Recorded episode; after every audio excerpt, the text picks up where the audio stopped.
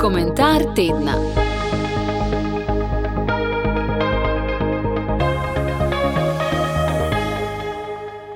Današnji komentar tedna je pripravil jezuit Pater Peter Lah, profesor na Gregorjani v Rimu. V glavi mi odzvanja papeževa misel, ki jo je pred nekaj meseci namenil italijanskim združenjem za komuniciranje. Pogosto pravimo, da živimo v času sprememb, in res je tako. Kakšne spremembe smo doživeli v preteklem stoletju? Počutimo se kot v mešalcu, nič ni trdno, še predno se navadimo na neko stvar, jo že izpodrine nova. V takih razmerah je težko načrtovati, še težje je vzgajati. Vse to poznamo. Papež pa gre še dlje. Ne živimo v obdobju sprememb, pravi, ampak v spremembi obdobja. Nov čas prihaja. Je morda Jezus imel v mislih take spremembe, ko je govoril o prepoznavanju znamen časa? Kako prepoznati znamenja časa? Kaj take spremembe pomenijo za naše življenje? Površinske spremembe je lahko zaznati, ponavadi ne sežejo globoko, so modne muhe enodnevnice, včasih pa naznanjajo omenjeno spremembo obdobja. Poglejmo si nekaj primerov.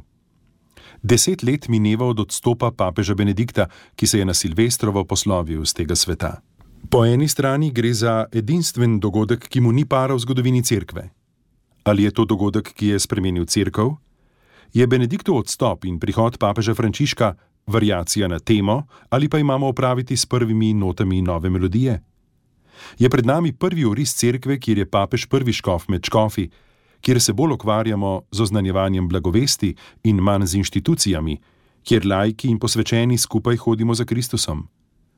In če je dejansko tako, kaj to pomeni za moje življenje, za mojo družino in za našo župnijo?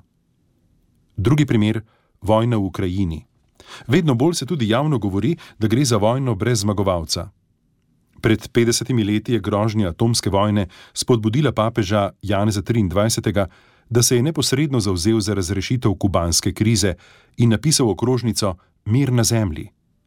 25 let pozneje, ko se je sesula Sovjetska zveza, je euforični ameriški politolog pisal o zadnjem poglavju zgodovine, o svetovni vladavini liberalne demokracije in kapitalizma. Zanimivo bi bilo vedeti, ali se je zavedal, da je tudi Marx naročal svojim privržencem naj poženejo kolesje zgodovine, da bodo prišli do brezrazrednega raja na zemlji. Ukrajinska vojna nas kruto predstavlja v resničnost, ko na zemlji ne vlada mir. Ali nam je tudi spodbuda, da iščemo tisti resnični mir, ki ga je Kristus prinesel na svet? Mir, ki je več kot le premirje med dvema vojnama. Ali spadamo med ljudi, ki si prizadevajo za mir, ki iščejo rešitve brez poražencev? V konfliktih, ki jih bojujemo brez Boga, smo na koncu vsi poraženi. Naj si gre za zakonca, sosede ali države. Samo takrat, ko iščemo božji mir, smo vsi zmagovalci. Razmišlja jezuit Pater Peter Lah in nadaljuje: Tretji primer. Chat GPT in umetna inteligenca. Ko mi je znanec pred leti govoril, kako ga skrbi razvoj na področju umetne inteligence, si njegove bojazni nisem znal prav predstavljati. Zelo konkreten človek sem, razumem to, kar vidim in otipam, računalniško programiranje mi je bilo vedno tuje. Skrbelo me je kvečjemu to, da izgubljamo neposredni snovni stik s svetom. Vzemimo avto, pritisnem na plin, obrnem volan, stopim na zavoro, to so dejanja, s katerimi neposredno obvladujem vozilo. Res? Ne. To so samo dražljaji, s katerimi preko pedala in volana dajem navodila računalniku, ki potem aktivira določena orodja v avtomobilu.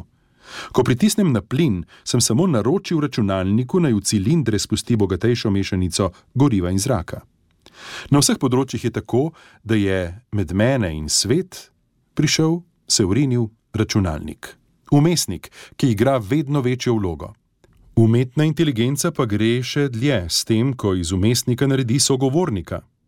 Računalnik ni več le leča, ki mi pomaga, da bolje vidim, postal je zaslon, ki oblikuje svet. Pretekle stoletja so bila zaznamovana z vedno boljšimi orodji, zdaj pa vstopamo v obdobje, kjer računalnik ni več orodje, ampak postaja akter.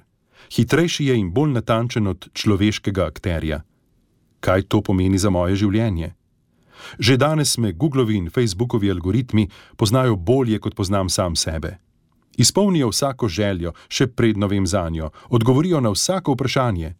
Bolj ko sem pripet na zaslon, bolj je računalnik tisti, ki hrani mojo domišljijo, ki oblikuje moj estetski in vrednostni svet. Danes me vozilo samo pripelje do cilja. Mi bo jutri povedalo, kam moram iti? Kratko sem opisal tri primere, ki nas postavljajo pred nalogo razločevanja.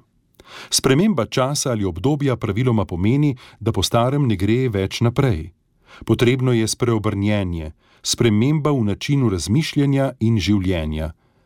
Naj nam bo pustni konec tedna spodbuda, da se usmerimo k globinskemu spreobrnjenju. V komentarju tedna razmišlja jezuit Pater Peter Lah, profesor na Gregorjani v Rimu. Komentar tedna.